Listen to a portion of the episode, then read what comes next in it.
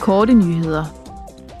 En delegation fra Europaparlamentets udvalg om kvinders rettigheder og ligestilling er i New York indtil på torsdag. Her vil delegationsmedlemmerne deltage i FN's Kommission for Kvinders Status med fokus på innovation og teknologiske forandringer samt uddannelse i den digitale tidsalder. I Washington D.C. vil de mødes med repræsentanter for civilsamfundet og den amerikanske regering samt et antal medlemmer af kongressen for at drøfte tilbagegangen for kvinders rettigheder i USA og i Europa.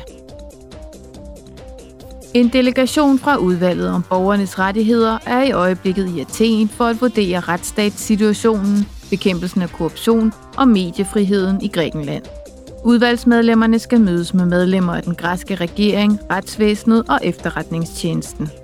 Der er også planlagt møder med virksomheder, der er involveret i produktion og salg af spyware, journalister, NGO'er samt grænsepolitiet og EU's grænseagentur Frontex. Besøget afsluttes i morgen. I går drøftede Miljøudvalget en nylig dom fra EU-domstolen.